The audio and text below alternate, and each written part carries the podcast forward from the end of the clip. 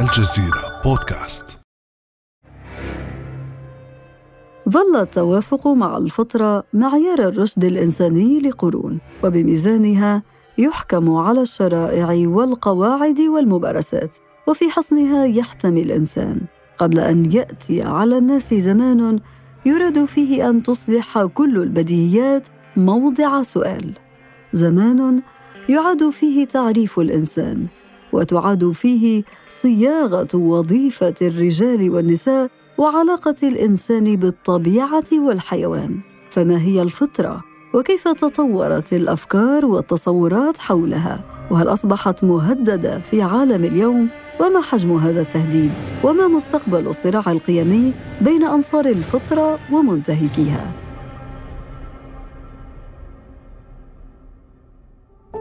أنا أمل العريسي وهذه حكاية جديدة من بودكاست الجزيرة بعد أمس.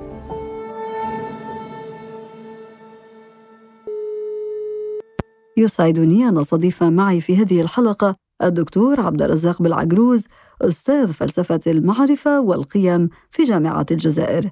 أهلا وسهلا بك دكتور عبد الرزاق. أهلا وسهلا بك أمال تحية لك وتحية إلى برنامج بودكاست وإلى كل الطاقم القائم معك. موضوع النقاش اليوم الدكتور عبد الرزاق لطالما كان مثيرا للجدل واختلفت فيه الرؤى وفي علم الاجتماع في الفلسفة في علم النفس وغيرها من العلوم الإنسانية وربما طالت أيضا بقية الحقول المعرفية. بداية دكتور عبد الرزاق كيف يمكن تعريف الفطرة؟ شكرا لك أستاذة أمال على هذا اللقاء آه، وعلى هذا الموضوع الحساس والحيوي خاصة في هذا الظرف الذي يشهد تحولات عميقة في البنية آه، البيولوجية وكذلك البنية النفسية والبنية الروحية للإنسان المعاصر. ومعلوم أن لكل باب مفتاح ومفتاح هذا الموضوع هو المفهوم. لذا فالمطلوب منا أولا هو أن نحرر مفهوم الفطرة ولا أريد أن أتحدث عن المفهوم في السياق اللغوي الذي يعني بداية الشيء أو منطلقه إنما ننتقل مباشرة إلى المدلول الاصطلاحي أو المدلول الذي يخدمنا في سياق نقاشنا في هذا الموضوع. فالفطرة بمفهوم واضح ومباشر هي ذلك التشكيل المادي والمعنوي الذي يميز الإنسان عن غيره فهناك صفات بيولوجية في الإنسان فطر عليها أو أنشئ عليها. وهناك صفات أيضا روحية في الإنسان أيضا تعد هي ثوابت في ذاته أو في نفسه. وهناك أيضا من يعطي مفهوم آخر للفطرة يعطيها مفهوم أكثر ارتباط بالجانب الثقافي أو الأخلاقي. فيقول أن الفطرة هي تلك الهيئة الخلقية والروحية التي انطوت عليها نفس الإنسان. بمعنى أن الإنسان لا يأتي إلى هذا العالم وهو من غير خريطة سابقة. الإنسان يأتي إلى هذا العالم وهو فيه دوافع وفيه أشياء معينة تجعله ينجذب نحو أمور ويبتعد عن أمور أخرى. التقط من كلامك دكتور عبد الرزاق هذه العبارة. الفطرة مرتبطة بالمسائل الخلقية وليس بالخلقية. وقلت أيضا أنها تميز الإنسان عن غيره من الكائنات التي خلقها الله سبحانه وتعالى. في هذا السياق أتساءل ما علاقة الفطرة بالأديان وبالفلسفات الأخلاقية؟ نعم شكرا لك على هذا السؤال. في الحقيقة إن علاقة الفطرة بالأديان أن الفطرة هي مستودع رسالة الأديان ومستودع رسالة الفلسفات خاصة الفلسفات التي يكون منبعها الوحي الإلهي أو يكون منبعها الإيمان. وكأن الفطرة هي ذلك الحافظ وهي ذلك الأمين على ما أودع في ذاتها وعلى ما أودع في روحها. إذا الفطرة هي نوع من الميثاق الذي يواثق به الإنسان الوحي أو يواثق به الإنسان الإيمان ويكون دور الإنسان في هذا العالم هو أن يحفظ هذه الفطرة وهي ذات طابع اشتراكي بين الإنسانية يعني لا تخص ثقافة دون أخرى وإنما هي ذات طابع كوني إذا إذا ما كانت الفطرة تشمل كل هذه القيم، كل هذه المعاني، كل هذه الأبعاد بسماتها الكونية خاصة، فمتى بدأ الحديث على فكرة نقيض الفطرة؟ وكيف تطورت الأفكار والنقاشات بهذا الخصوص؟ هو يعني الحديث عن ناقض الفكرة أو ما أسميه أنا في هذا الحوار بمشروع أن ينسى الإنسان ذلك الرصيد أو ذلك المخزون الروحي الذي جاء إلى هذا العالم وهو مزود به. عندما نقرأ كلام بعض الفلاسفة المختصين في فلسفة الأديان وفي علم الاجتماع الأديان يقولون مثلا بأن تصميم عقولنا يقودنا إلى الإيمان. يعني تصميم العقل الإنساني بطبيعته أو بلغة حوارنا هذا بفطرته عقله مصمم من أجل الإيمان وليس من أجل نفي الإيمان.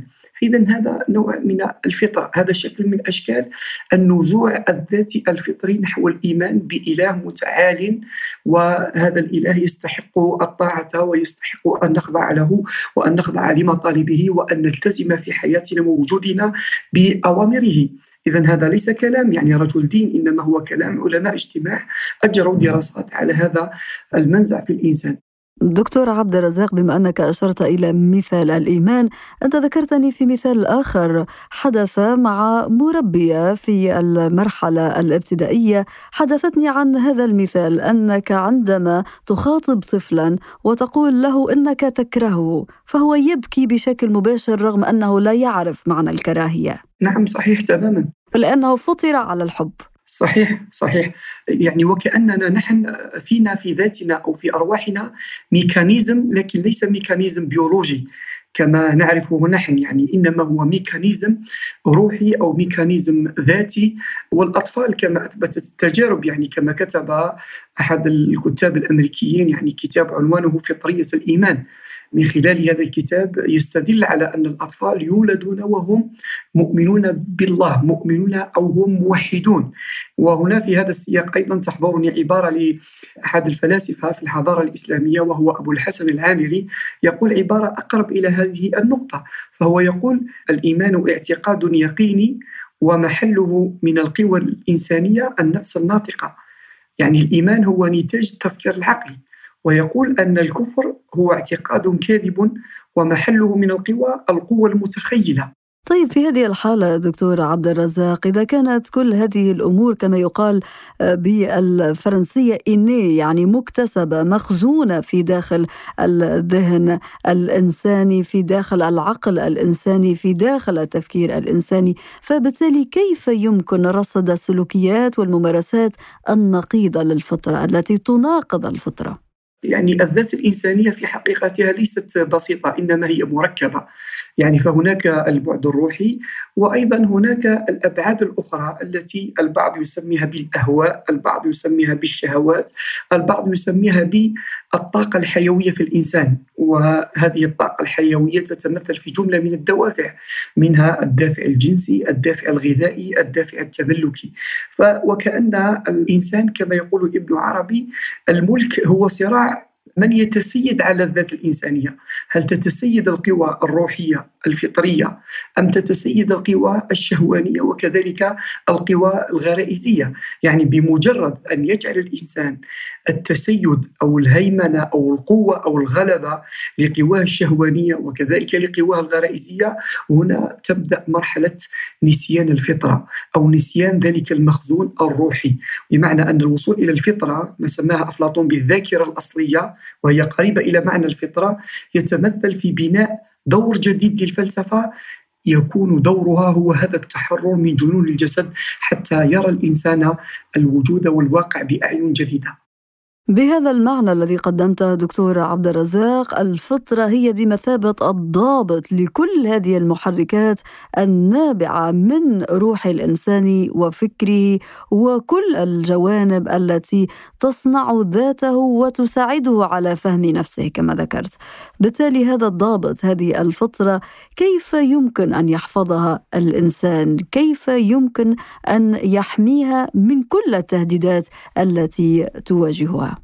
وأنت تتحدثين في هذا السؤال يعني برقت في ذهني عبارة للفيلسوف الفارابي يميز فيها بين الإنسان الضابط لنفسه والإنسان الفاضل. فيقول بأن الضابط لنفسه هو ذلك الإنسان الذي عندما يعمل آه، أو عندما يفعل فعل خلقي إيجابي يشعر بالثقل في نفسه. هذا ما زال لم يرتقي إلى مستوى الفضيلة. والتعود على الفعل الفاضل أو التعود على الفضيلة مثل الحكمة مثل الشجاعة مثل العفة مثل الجود هو الذي آه، ينتقل بموجبها الإنسان من كونه ضابطا لنفسه إلى كونه في حالة الفضيلة. بمعنى أن الوصول إلى مستوى الفضيلة أو التطابق مع مطالب الفطرة هذا يكون عن طريق التعود بمعنى التعود على الفعل الخلقي أو بلغة صوفية مكابدة وكلمة المكابدة تعني أن يعيش الإنسان وأن يتجرع تلك الآلام من أجل أن يتحرر من هذه المطالب التي تنسيه في مطالب الفطرة. وللأسف أن واقعنا اليوم الذي نحن فيه إذا تحدثنا بلغة معاصرة نجد بأن ثورة الإعلام والاتصال وأشكال الاتصالات الجديدة أنا أسميها باتصالات في جزء كبير منها يعمل على أن ينسى الإنسان هذه الفطرة هذه نقطة مهمة جدا دكتور عبد الرزاق. فكيف آه، يتم كل ذلك؟ تحاول أن تعطي قيمة كبيرة للجسد على حساب الروح. وتحاول كذلك أن تجعل من الفعل الغريزي والفعل الجنسي حتى أن هناك من اعتبر بأن الثقافه المعاصرة قد باتت رديفة للجنس والتحرر وحب الظهور وكذلك يعني ما يسميه الفيلسوف نيتشه بالصيغة الجمالية للوجود بمعنى أن وجود الإنسان المعاصر خاصة الإنسان كما يظهر في الوسائل الإعلامية. نحن لا نلغي أو لا نلغي ذلك يعني بابعاد إيجابية لكن الغالب على شبابنا والغالب على جزء كبير من شبابنا وشاباتنا هو هذا الإقبال على آه، تلك الصور والإقبال على الجنون بالجسد. يعني إذا كان أفلاطون قد قال بأن التفلسف هو التحرر من جنون الجسد فإن وسائل الإعلام المعاصرة تقول أن التفلسف هو الإقبال على الجسد. والتمتع بلذائذ الجسد والبحث عن أي شيء يحاول أن يجلب لذة نفسية فردية وزادت الوسائل الإعلامية. ومن مظاهر أيضا خروج الإنسان على الفطرة حتى في شكله المادي ما نلاحظه بتغيير الخلق أو تغيير الشكل.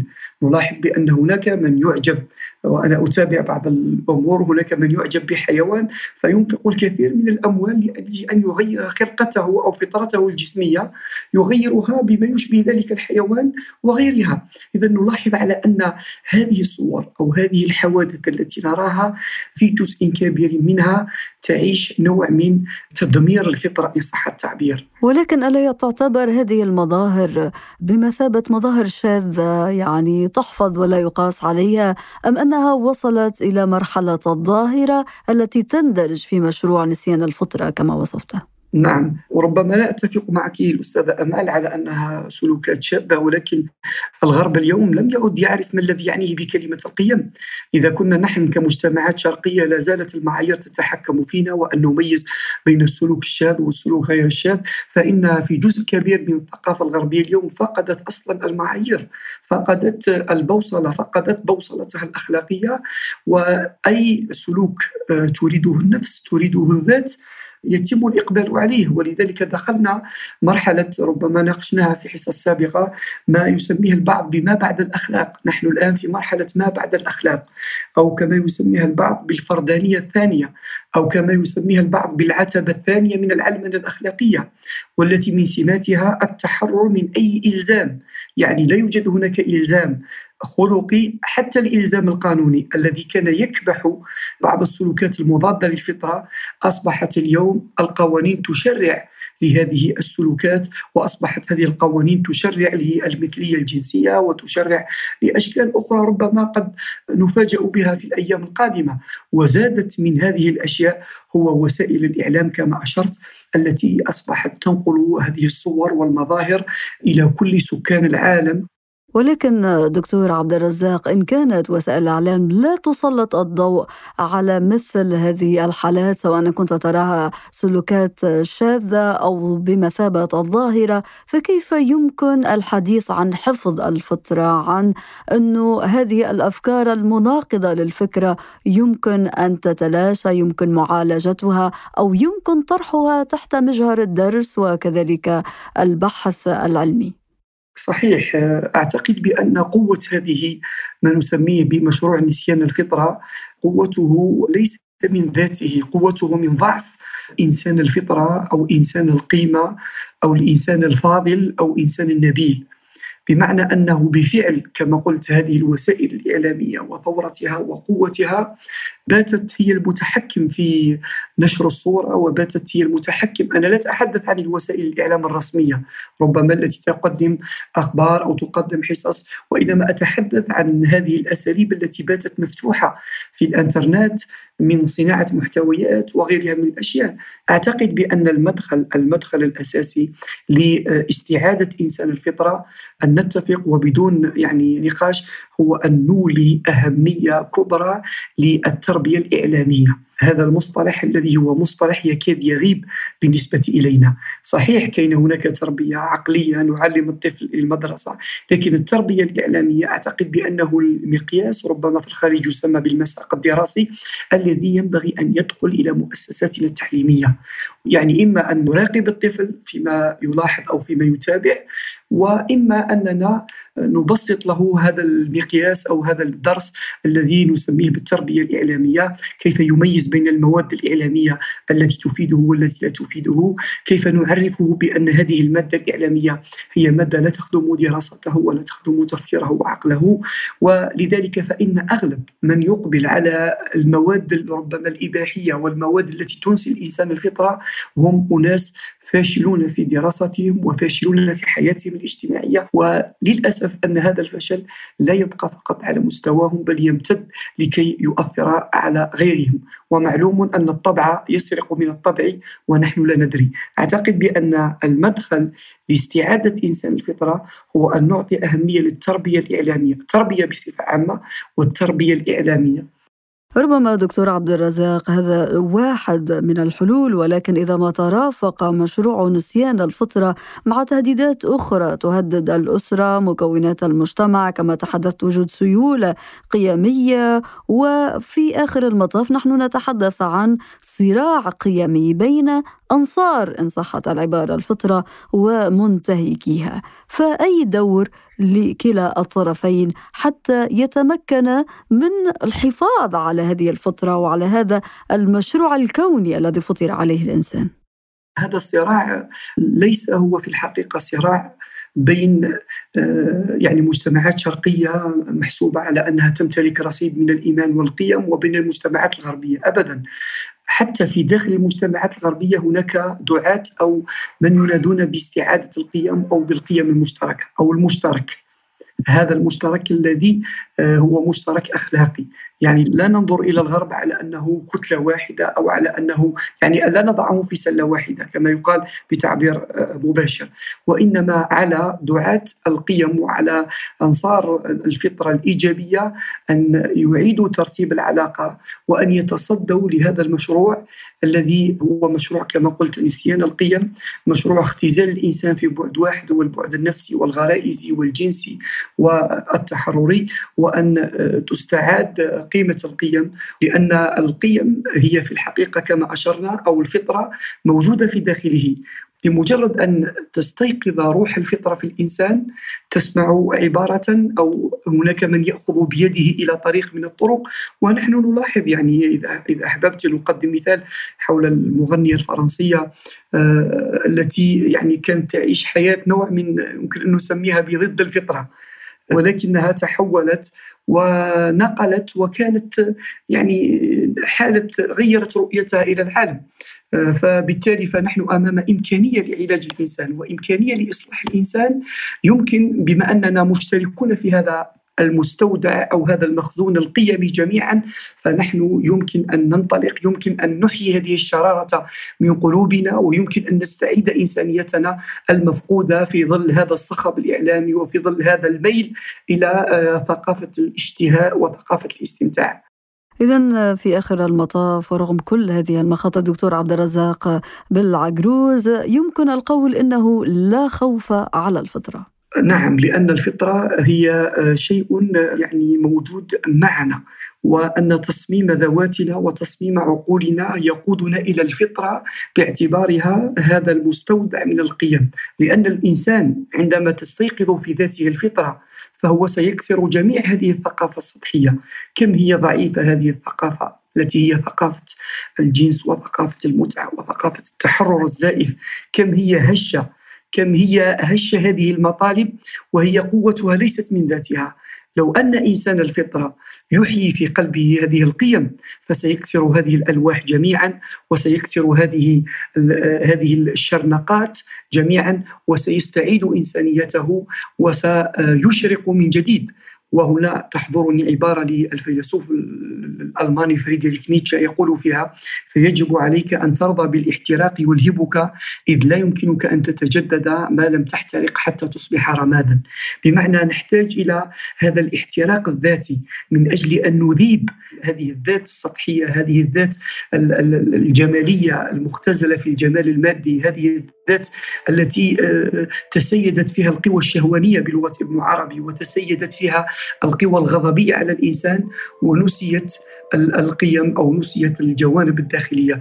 ما أضعفها وما أقوى آه، الفطرة. مشروع نسيان الفطرة يقابله مشروع تذكر الفطرة وبالتالي فوجودنا حاليا هو وجود من أجل أن نتذكر ذواتنا المنسية. والمنطلق هو أن يفهم الإنسان ذاته كما قلت نقلا عن الكثير من الكتاب والباحثين والفلاسفة. دكتور عبد الرزاق حقيقة حلقة مفيدة جدا ممتعة ورحلة حقيقة في الأفكار. دكتور عبد الرزاق دائما نسعد بحضورك معنا. الدكتور عبد الرزاق بالعجروز أستاذ المعرفة والقيم في جامعة الجزائر. شكرا جزيلا لك. العفو شكرا لك أمال وشكرا لكل الطاقم. كان هذا بعد أمس.